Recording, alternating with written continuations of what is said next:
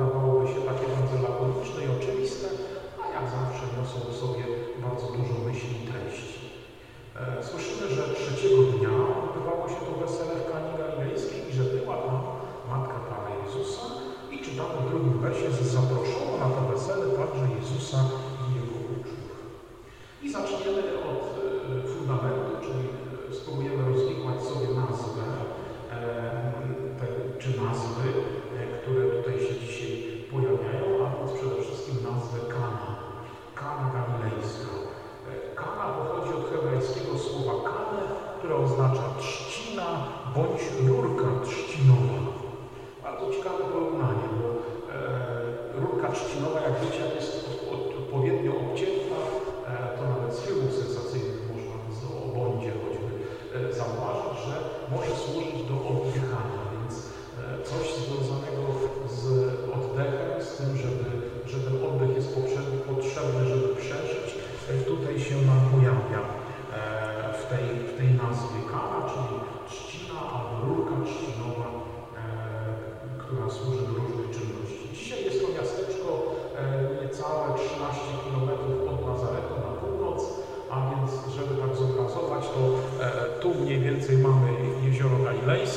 tu sobie płynie, tak jak moja ręka, Jordan. I od góry tu się oczywiście zaczyna, to jest jezioro Galilejskie, to tu mniej więcej gdzieś jest Nazaret, na dole jeziora Galilejskiego. I 13 km do góry jest miejscowość Kana. Tam zresztą do dzisiaj pielgrzymi przybywają, tam można się modlić w miejscu, w którym w pierwszych wiekach został wybudowany Kanie Galilejskiej. Tam także do dzisiaj wytwarza się wino, które można sobie nabyć i, i, i na pamiątkę tego wina z Kany Galilejskiej wypić. Tam także odnawia się przyrzeczenia małżeńskie, kiedy się jest na pielgrzymce w Ziemi Świętej. Więc jest to piękne wydarzenie, bardzo uroczyste. Niektórzy tę nazwę Kana interpretują także inaczej, nie od tej nurki trzcinowej, ale jako taki zlepek dwóch nazw, bo bardzo blisko też od Kany, tak w linii prostej nad Jezioro Galilejskie jest e, Kafarnaum. Kafarnaum, czyli jak pamiętacie z zeszłego tygodnia, to jest to miejsce, gdzie żył święty Piotr, e, skąd wypływał na ryb, a jest to miejsce domu świętego Piotra, w którym Pan Jezus się świetnie czuł. Więc z tego powodu niektórzy twierdzą, że Kana to jest zlepek początków dwóch słów. Właśnie Kafarnaum, czyli to K-A, K od słowa Kafarnaum i Na, czyli Nazaret. Czyli te dwa miejsca charakterystyczne dla Pana Jezusa, czy bliskie Jego sercu. Nazaret, no bo tam się wychował, tam mieszkał i Kafarnaum, czyli tam, gdzie święty Piotr żył. Można też tę nazwę wyciągać od słowa kana, czyli przez Q pisane kana, e, jako określenie nabywania, e, własności także. Czyli to może być własność bądź nabywać może znaczyć e, to miejsce. Więc to też jest ciekawe, że, że e, w tym miejscu Pan Jezus jakoś e, w pewnym sensie dając to, o czym dzisiaj będziemy mówili, dotrzemy do tego na końcu, chce nabywać na własność tych, którzy będą spożywać wino zrobione z wody. Bardzo ciekawe skojarzenie zresztą, które jest ważne. No i Galilea, Kana Galilejska, Galilea, czyli od hebrajskiego języka Galil, to jest okrąg, czyli takie kółeczko, okrąg,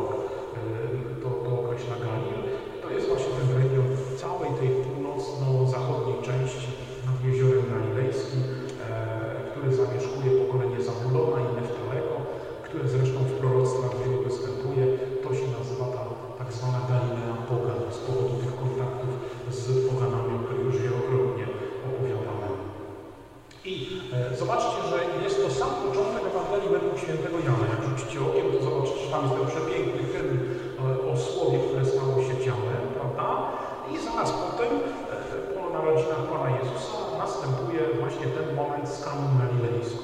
Nie? To jest drugi rozdział po tym pierwszym wprowadzającym w myśl. E, dlaczego tak się Jan postępuje?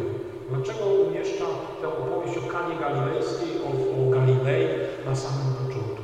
Ano właśnie dlatego, z powodu tych kontaktów Izraelitów mieszkających tutaj w tej, w tej krainie galilejskiej z tymi poganami. To jest ta kraina ciemności. To jest ta kraina właśnie żyjąca w takich mrokach, czyli w nie, w nie, nie w pełni światło. To jest ta kraina, o której pisał e, Izajasz, że oto w krainie mroków zabłyśnie światło. Nie wiem, czy pamiętacie z Adwentu e, to proroctwo e, Izajasza. To jest właśnie to. I święty Jan chce nam pokazać właśnie to, że Jezus przychodzi do tego mroku, do tej krainy, która była taka powiązana z tymi poganami, która bardzo też traciła swoją tożsamość judejską, judajską czy judaistyczną i to ma znaczenie właśnie takie symboliczne.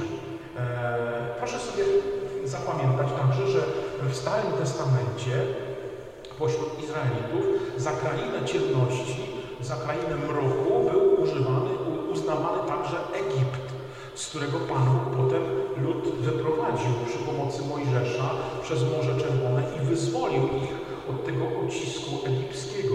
A, a, więc to jest też takie symboliczne właśnie, że Pan, Pan Jezus przychodzi, z, tej kraju, z tego kraju mroków wychodzić do zbawienia. Nie? To jest też takie charakterystyczne i wiąże to nam mocno z określenie Galilea Pogan, którego święty Jan bardzo często używa i to w tym momencie też tak, też tak się może gdzieś przewijać, nie ma znaczenia pejoratywnego u świętego Jana. E, raczej jest takim właśnie określeniem tego punktu wyjścia Pana Jezusa i Jego Ewangelii, że On oto przychodzi do każdego człowieka, także do tego, który błądzi w ciemnościach, bo nie zna Boga jedynego, czyli jest poganinem i chce mu pokazać swoje światło? Że e, tutaj Pan Jezus będzie dokonywał też największych cudów. E, tutaj będzie najwięcej e, wskazywał drogi, mówiąc o królestwie swojego Ojca. A więc ta Galilea Pogan staje się takim miejscem przyjęcia, przyjęcia Pana Jezusa i stania się uczniem, czyli uczniostwa. I to w zeszłym tygodniu też żeśmy, jak pamiętacie, rozważali, bo tutaj uczniowie po raz pierwszy spotykają nad jeziorem galilejskim Pana Jezusa, tu słyszą to wezwanie pójdź za mną i tu dzisiaj dokonuje się ten pierwszy cud Pana Jezusa.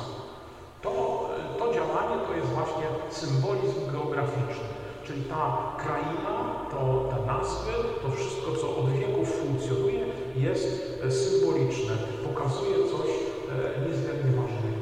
Tutaj pokazuje kraina galilejska, pokazuje nam to, że tu otwiera się ten szlak wielkiego działania Pana Boga, wielkich dzieł Bożych. To tu rozpoczyna swoją działalność Jezusa. Tutaj widzą Go po raz pierwszy uczniowie, tu odpowiadają na Jego wezwanie, tu Jezus wypowiada największe swoje mowy, tutaj się dzieją te największe cuda. Nie? A więc to jest ta, ta, ta, to miejsce otwarcia, tak byśmy może dzisiaj powiedzieli. Słyszymy na samym początku, że e, to, to wydarzenie w kranie galilejskiej odbywa się trzeciego dnia. I to jest bardzo ciekawe, dlatego że w kalendarzu Starego Testamentu ten trzeci dzień e, oznacza, że jest to wtorek. No bo sobota jest to szabat, niedziela pierwszy dzień, poniedziałek i wtorek, prawda? Trzeci dzień. I według jednego z komentarzy żydowskich, który się nazywa Miszna,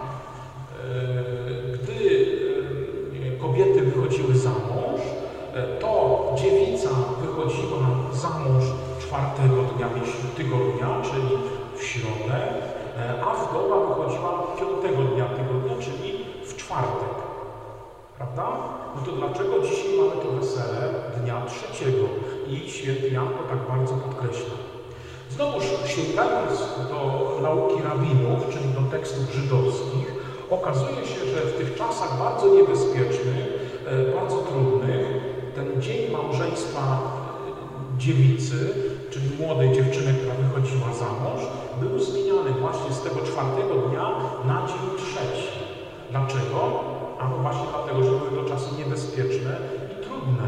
Co się działo w czasach Pana Jezusa niebezpiecznego i trudnego?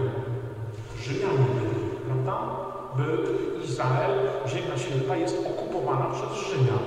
I bardzo często się zdarzało, że rzymscy urzędnicy, którzy na danym terenie e, e, byli tymi ważnymi postaciami, bardzo często domagali się jus prime noctis, czyli prawa pierwszej nocy. I żeby tego uniknąć, żeby oni się nie dowiedzieli, żeby oni się spodziewali, że to wesele będzie czwartego dnia, no to wesele robiono wcześniej, żeby ich trochę zaskoczyć, żeby jak przybędą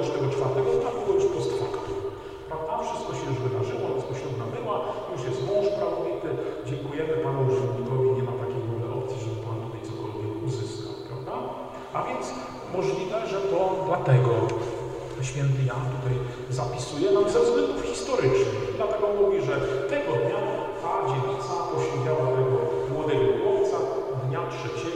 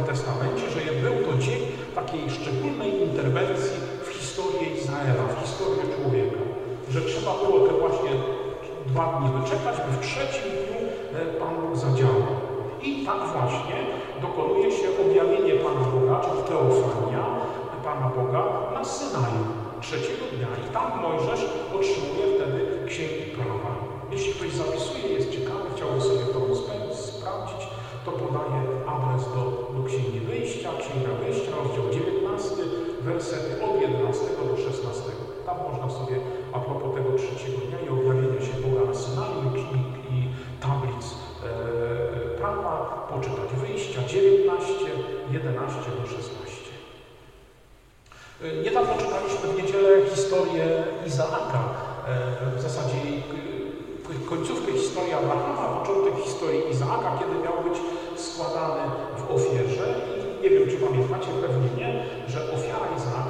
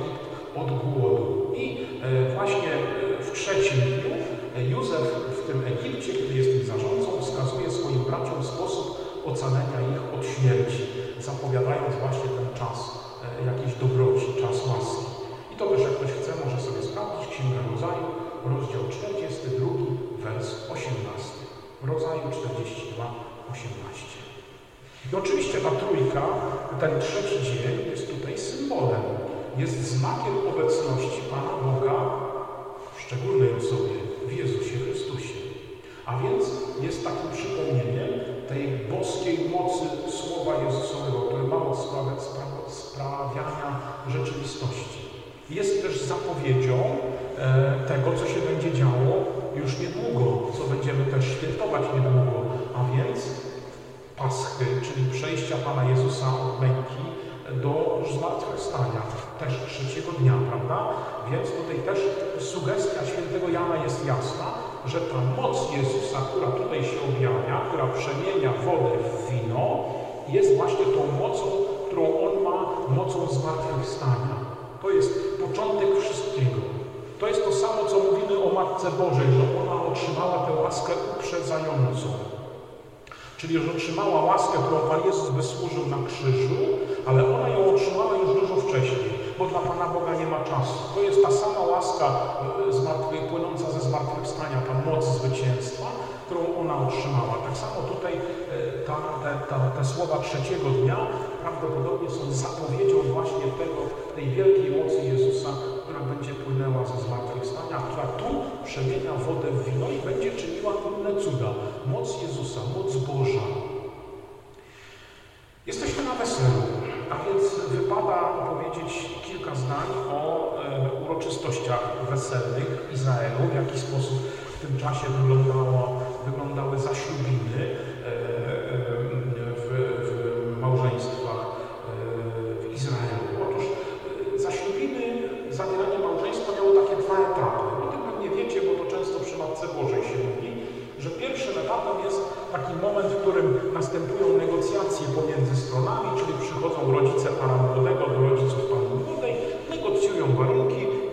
komu, za co i dlaczego e, i w końcu dochodzi do tej zgody, do porozumienia pomiędzy, e, pomiędzy tymi rodzicami. Ci młodzi nawet się nie muszą widzieć, nawet często się nie muszą znać.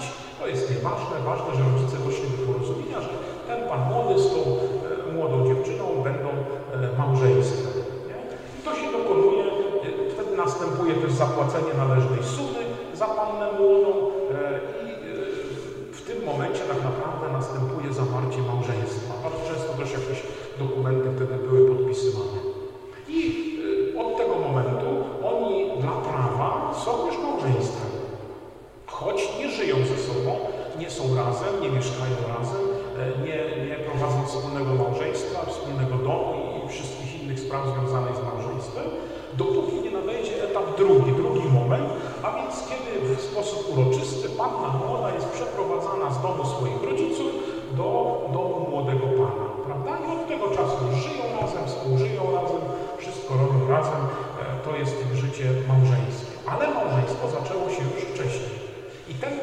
od zawarcia tego kontraktu, tej zgody, zapłacenia tych określonych sum pieniędzy i dogadania się, co będzie, jak będzie, gdzie będą mieszkać, jak będą żyć i tak dalej, i tak dalej, e, wtedy też już są postrzegani jako małżonkowie. Stąd ten problem Matki Bożej, e, o którym pamiętacie, e, jakże się to stanie, skoro ja nie znam męża i ona mówi o mężu, który już został jej w cudzysłowie zaślubiony, ale z którym ona jeszcze nie mieszka i dlatego go w sensie fizycznym także nie zna, prawda? I te dwa etapy zwykle są oddalone od siebie mniej więcej od pół roku do roku, w zależności od warunków, w zależności od, od e, wydarzeń. I to wesele dzisiejsze jest w tym drugim etapie, kiedy panna młoda już przeprowadza się e, do, e, do pana młodego.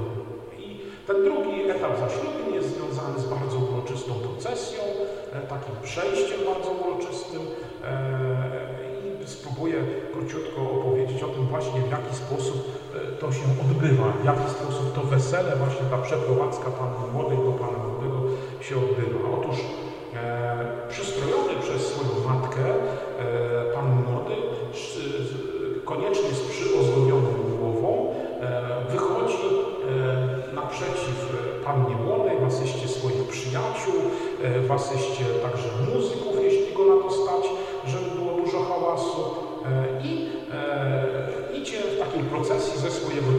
stronę tego domu e, panny młodej, w stronę domu rodziców panny młodej tak naprawdę. E, I e, wieczorem, kiedy oni tam sobie powolutku podążają, balując oczywiście po drodze i śpiewając, tańcząc, pijąc wino, radując się, dochodzą wieczorem już pobliże tego domu panny młodej i wtedy druhny panny młodej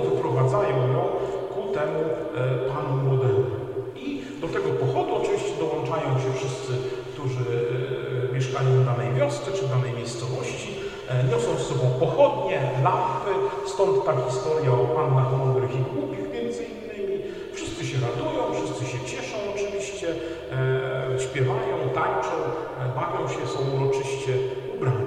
I spotykają się niedaleko od tego domu i następuje pierwsza część wesela, pierwsza część radości, jedzenie, picie, śpiewy, tańce, e, zagadki i inne fajne rzeczy, które trwają zwykle około 7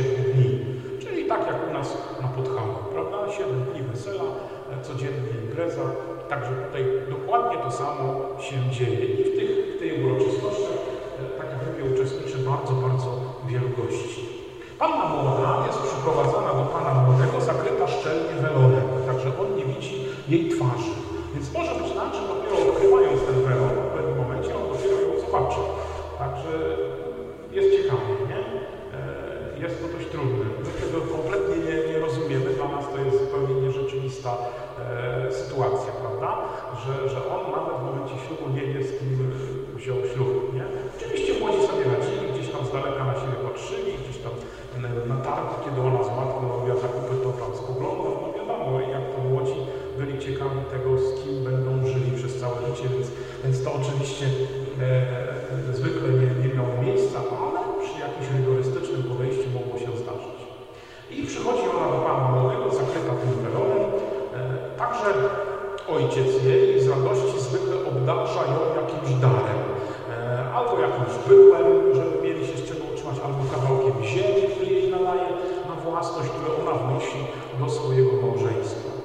Znak e, takiego objęcia ją w posiadanie, także pod jakąś opiekę, troskę, bo to także małżeństwo e, hebrajskie wyraża, on może narzucić na nią skraj swojej szaty. E, ponieważ te szaty są dość luźne, to to narzucenie skraju szaty właśnie oznaczało to, że ja biorę Ciebie pod swoją opiekę, będę się o Ciebie troszczył. Bardzo piękny znak zresztą. I wtedy to całe wesele się odbywa i w trakcie, w pewnym momencie tego wesela Państwo młodzi są uroczyście odprowadzani do łożnicy, a więc do miejsca, w którym następuje noc poślubna. Goście sobie balują, goście sobie się bawią, a Państwo młodzi tymczasem, jak to się mówi popularnie, konsumują swoje małżeństwo, czyli dopełniają e, tego wszystkiego, co jest prawnie także e, ważne. Tak wygląda mniej więcej wesele. My jesteśmy w tym drugim momencie, kiedy goście się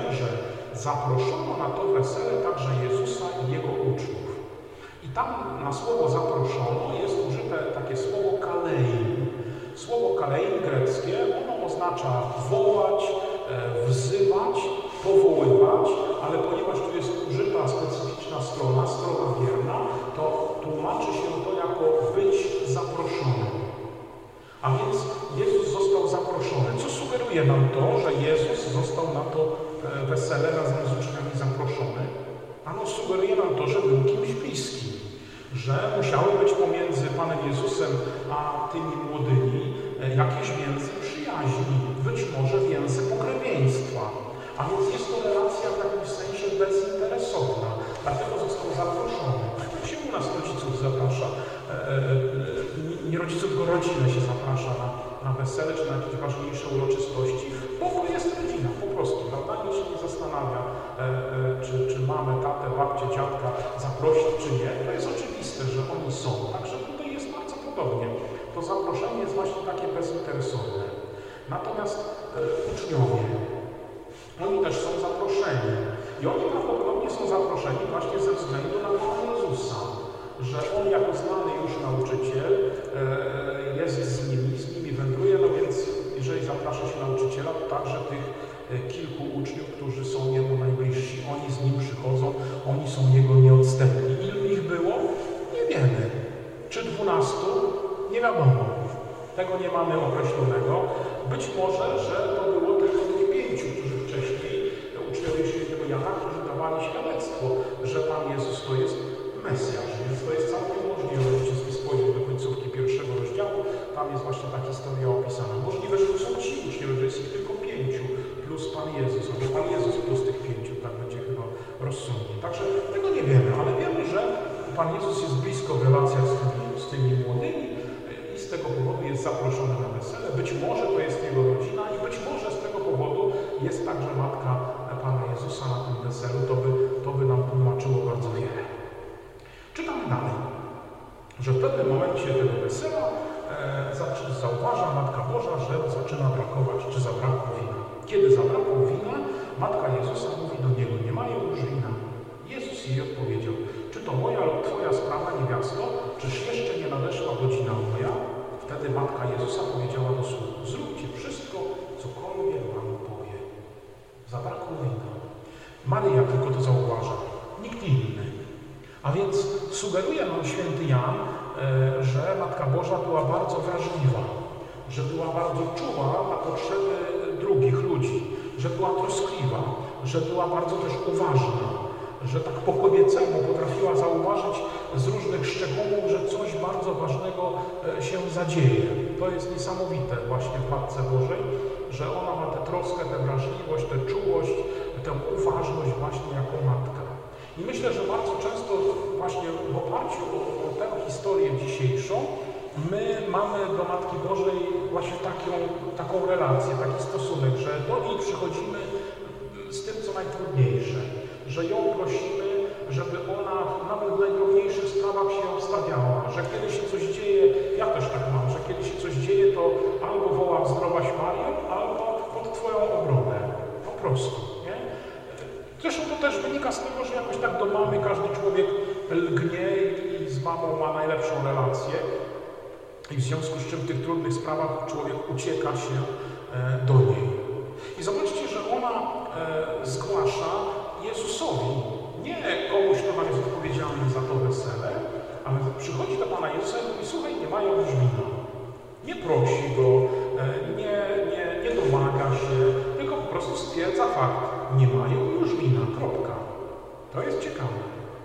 Przychodzi do Niego, bo, bo Jemu ufa. Przychodzi do Niego jak matka do syna, e, zgłasza Słuchaj, nie mają wina.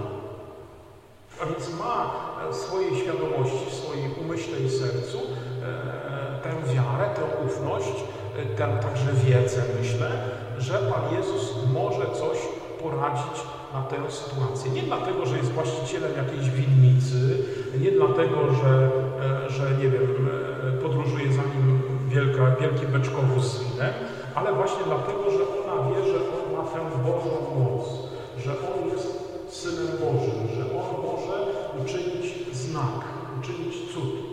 Myślę, że jest w niej ta świadomość, e, a więc ona ufa, że Pan Jezus e, przyszedł po to, żeby człowieka poratować, żeby człowieka uratować.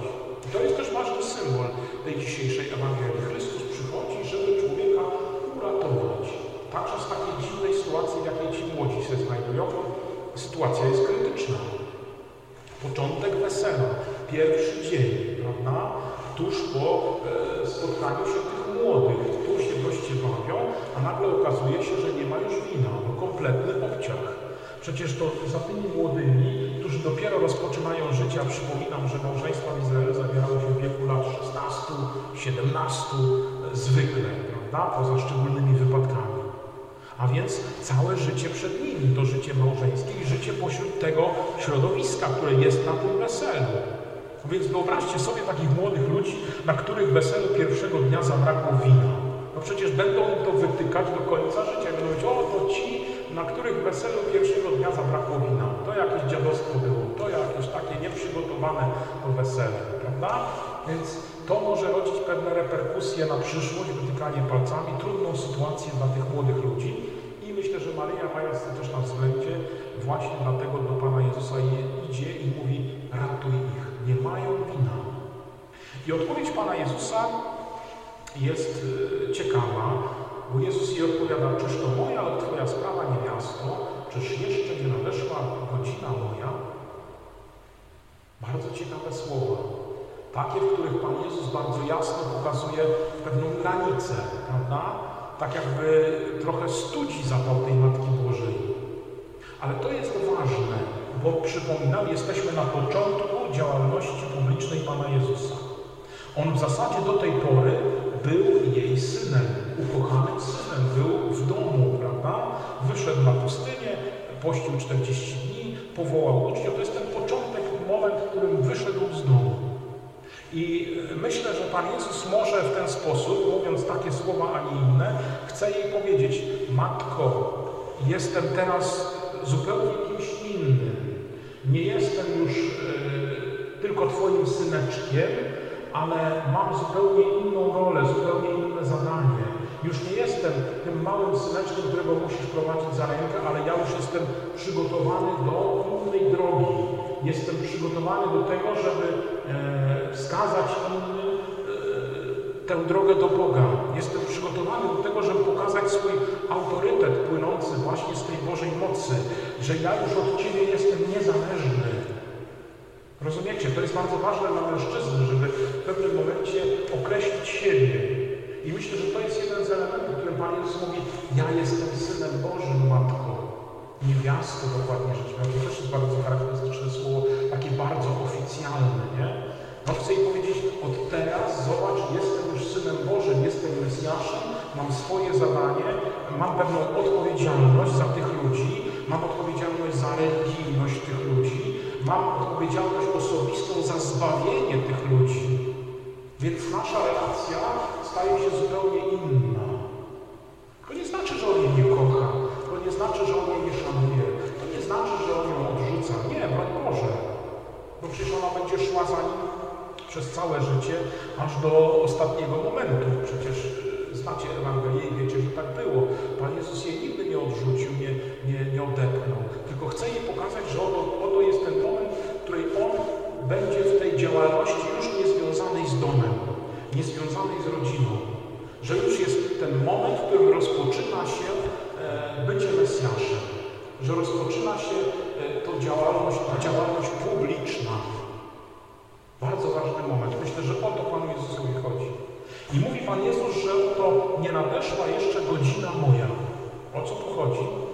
Nie chodzi o chronologię, nie chodzi o czas, ale chodzi o Królestwo Boże. O to, że to Królestwo Boże, które właśnie się rozpoczyna, będzie miało swoją pełnię na krzyżu. I to jest ta godzina Jezusa. Godzina Jego męki, śmierci i zmartwychwstania. On przyszedł na świat po to, żeby ten moment przeżyć, ten moment przejść. Mękę, śmierć i potem zmartwychwstać. To jest ten szczyt działalności Jezusa. To jest ten najważniejszy moment, najważniejsza chwila w dziejach świata, więc także w dziejach Chrystusa. Kiedy przez mękę Pan Jezus objawia swoją chwałę. Przez mękę i śmierć objawia moc Boga. Przez mękę i śmierć otwiera nam drogę do nieba, pozwala nam do Niego wejść. I wtedy rozpoczyna się pełnia czasów. Dlatego mówimy, że to jest godzina Jezusa. Bo On umierając i zmartwychwstając otwiera nam niebo, otwiera nam swój Bóg, daje nam łaskę. Rozpoczyna się pełnia czasów. Jezus będzie mógł wylewać na nas swoją łaskę i wprowadzać nas już teraz, tu na ziemi, poprzez sakramenty święte, które są darem łaski, do życia wiecznego. Byśmy choćby odrobinkę tego życia już w swoim sercu dzięki Jego obecności mieli. Bardzo ważny moment. Dlatego Jezus mówi, ta godzina moja za chwilę. To nie znaczy, że ją odtrąca, to nie znaczy, że jej mówi nie zrobię nic, bo sami widzimy, że jego reakcja jest zupełnie inna. On jej przypomina, matko, to nie jest szczytowy, szczytowy moment, to nie jest najważniejszy. Najważniejszy moment dopiero nadejdzie, kiedy ja oddam swoje życie. I Maria jakby rozumiejąc to, przyjmując to, zobaczcie, w wielkiej pokorze, w wielkim uniżeniu, co mówi? Mówi do sług, zróbcie wszystko, cokolwiek wam powie. A więc ona wie, ona rozumie, że Jezus będzie, mówiąc naszym językiem, z tej mocy, która będzie w godzinie Jego, już teraz korzystał. Że On ją niejako e, wcześniej e, okaże. Nie? W tym momencie, w którym jest teraz. To jest niesamowite. I czytamy dalej. Stało zaś tam sześć sądów kamiennych, przeznaczonych do żydowskich oczyszczeń, z których każda mogła pomieścić dwie lub trzy miary. Rzekł do nich Jezus. Napełnijcie stoły wodą i napełnili je aż po brzegi. Potem do nich powiedział, zaczerpnijcie teraz i zanieście staroście weselnemu. Bardzo szczegółowo święty Jan opisuje te stołnie, e, które były przeznaczone do rytualnych obmyć. E, słyszymy, że jest ich sześć, że, że są bardzo duże, że mają trzy miary. Jedna miara, po hebrajsku bat, miała około 40 litrów, a więc jak mają dwie lub trzy miary, to mają 80 do 120 litrów. Jest ich sześć, więc gdyby wszystkie miały po 120 litrów, no to ponad 700 litrów wody, prawda? Więc ogromne naczynia. 700 litrów płynu mogły sobie zawrzeć, nie? E, I e, dlaczego te naczynia są kamienne? Ano po to, żeby można było je łatwo wyczyścić, żeby one miały w sobie czystą wodę, żeby ta woda potem właśnie mogła służyć rytualnemu oczyszczeniu, żeby móc służyć Panu Bogu, żeby móc Go uwielbiać, prawda? W kulcie żydowskim. Bardzo ważne. Poza tym w kamieniu, kiedy jest gorąco, ta woda e, e, poprzez naturalny proces parowania na zewnątrz tego kamienia i, różne ruchy kapilarne,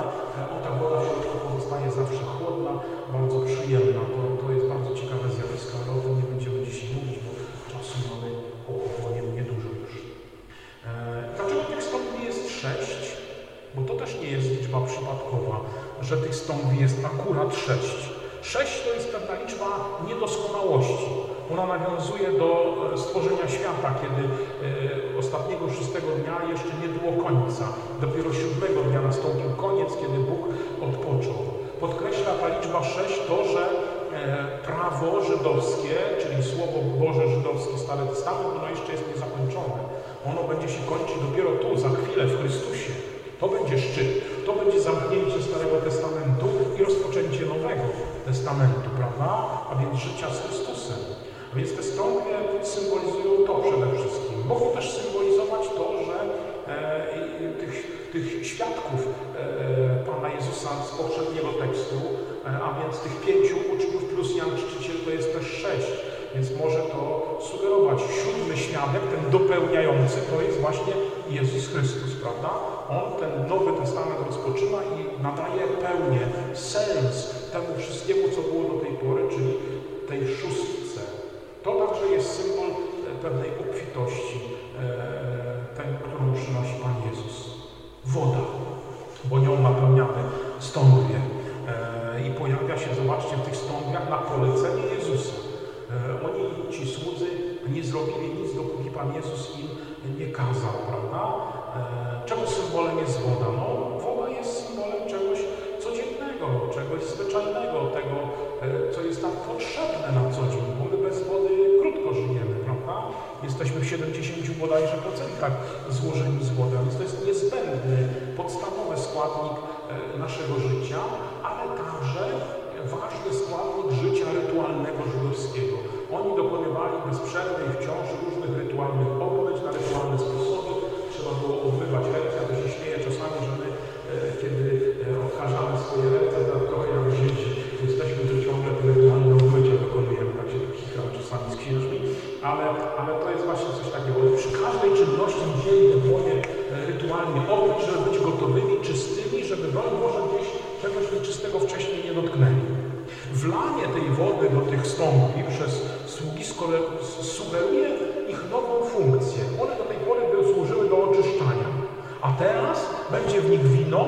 raduje duszę, które rozwesela życie, które sprawia, że życie nabiera koloru.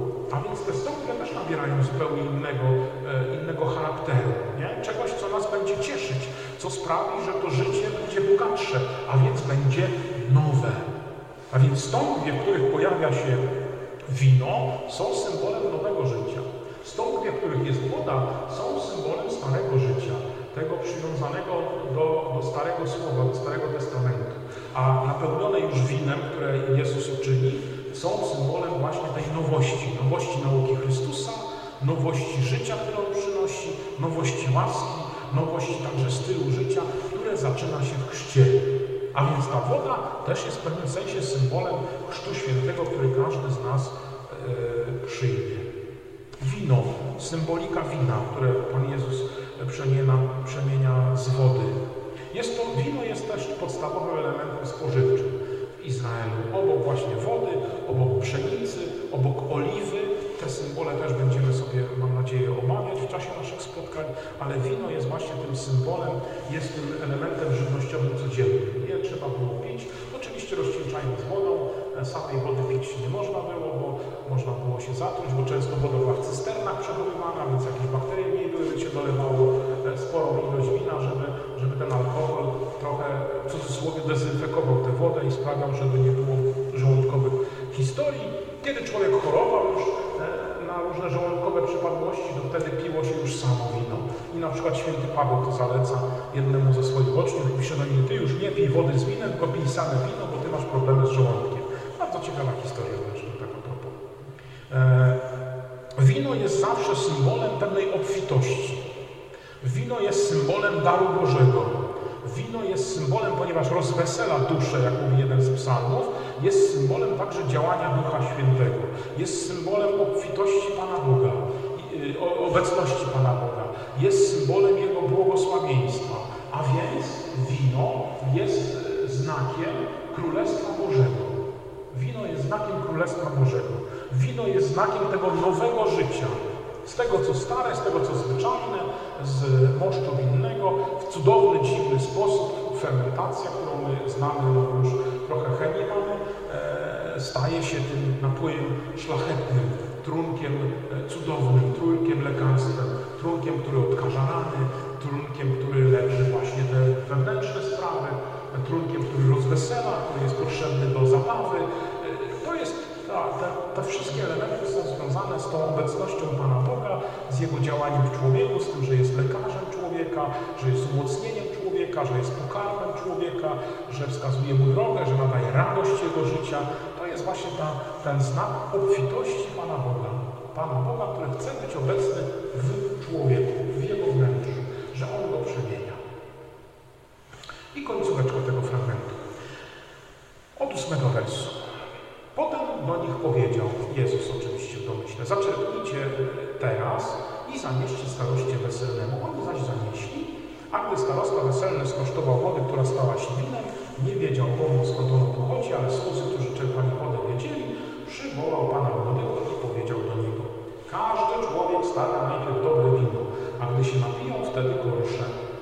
Ty zachowałeś dobre wino aż do tej pory.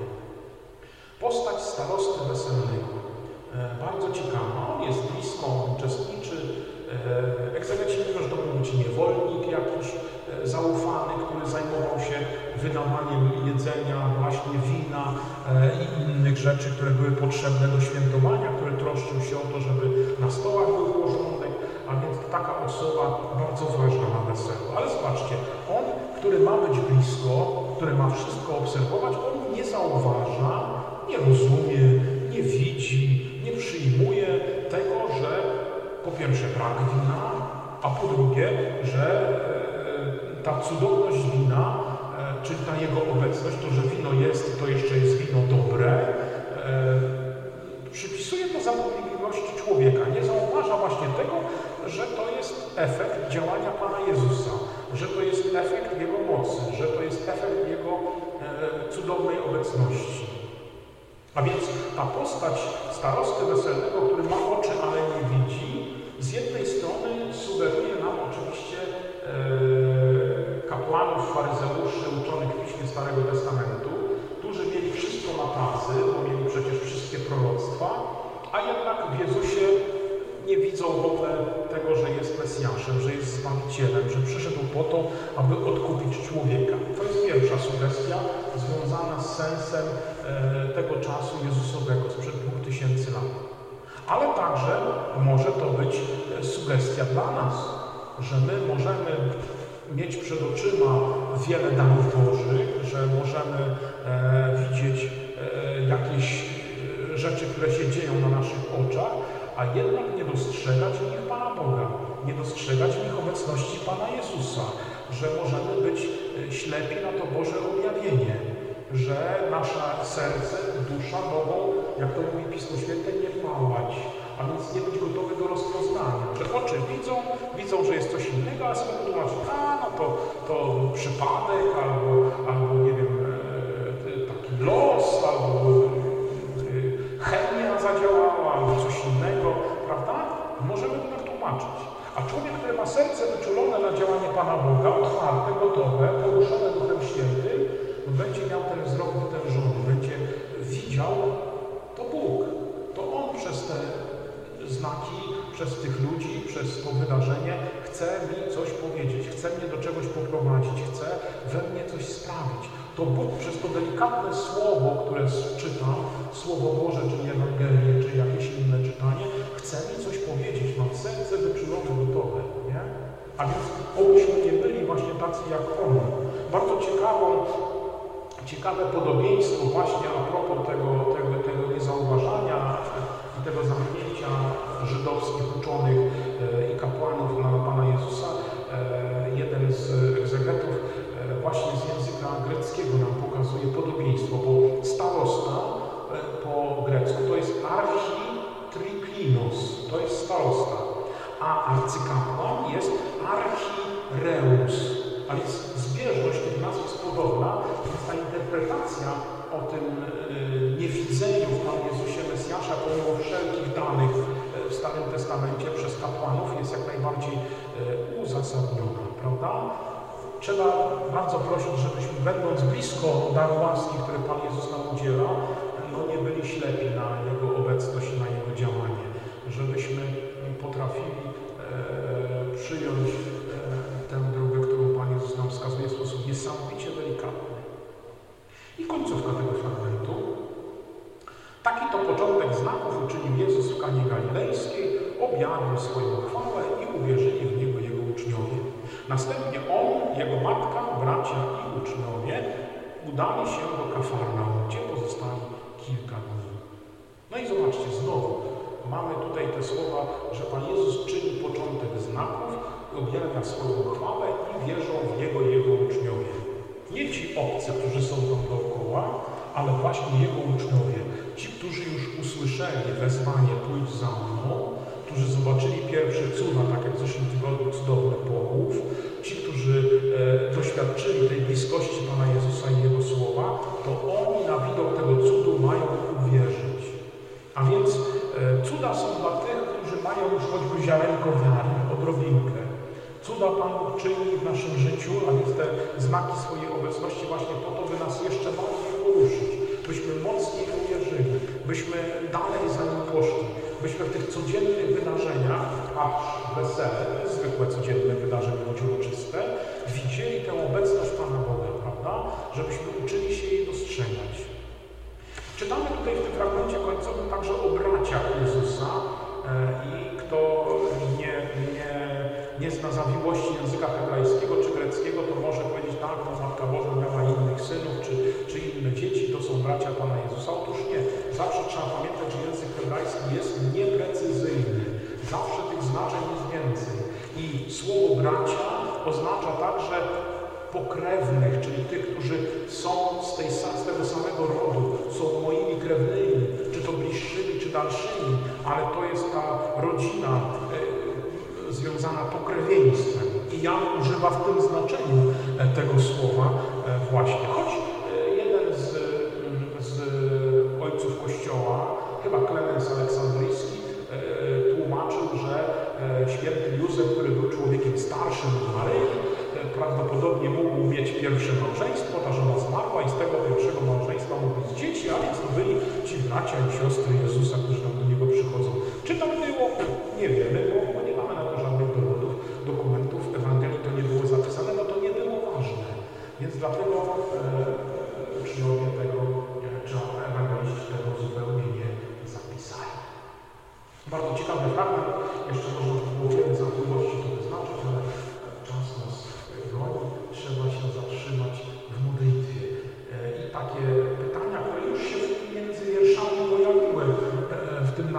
rozważaniu i kontekście kulturowo-duchowym, e, chciałbym Wam przypomnieć, to w cenie sobie zanotuję. Warto się zatrzymać, tak jak mówię, nad tym, co mnie poruszyło.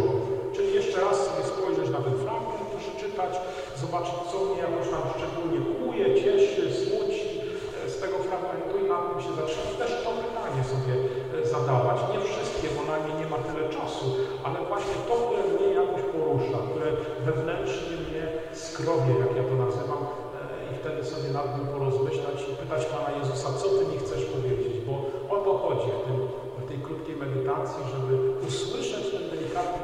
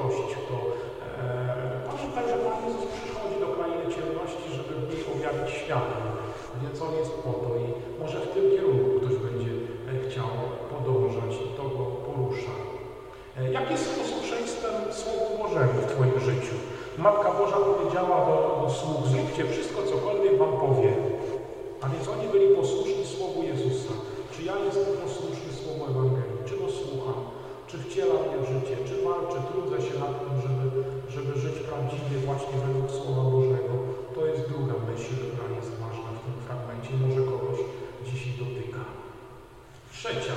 Woda. Ta nie niedoceniana, a, bardzo potrzebna, wręcz konieczna do życia. Co jest tą codzienną wodą w Twoim życiu? Taką rutynową, szarą, ale właśnie taką potrzebną e, w Twoim życiu. Pamiętaj, że bez wody nie ma życia.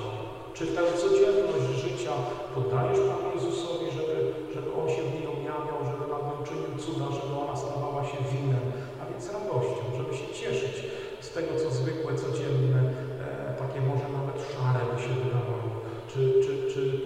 potrafisz Panu Jezusowi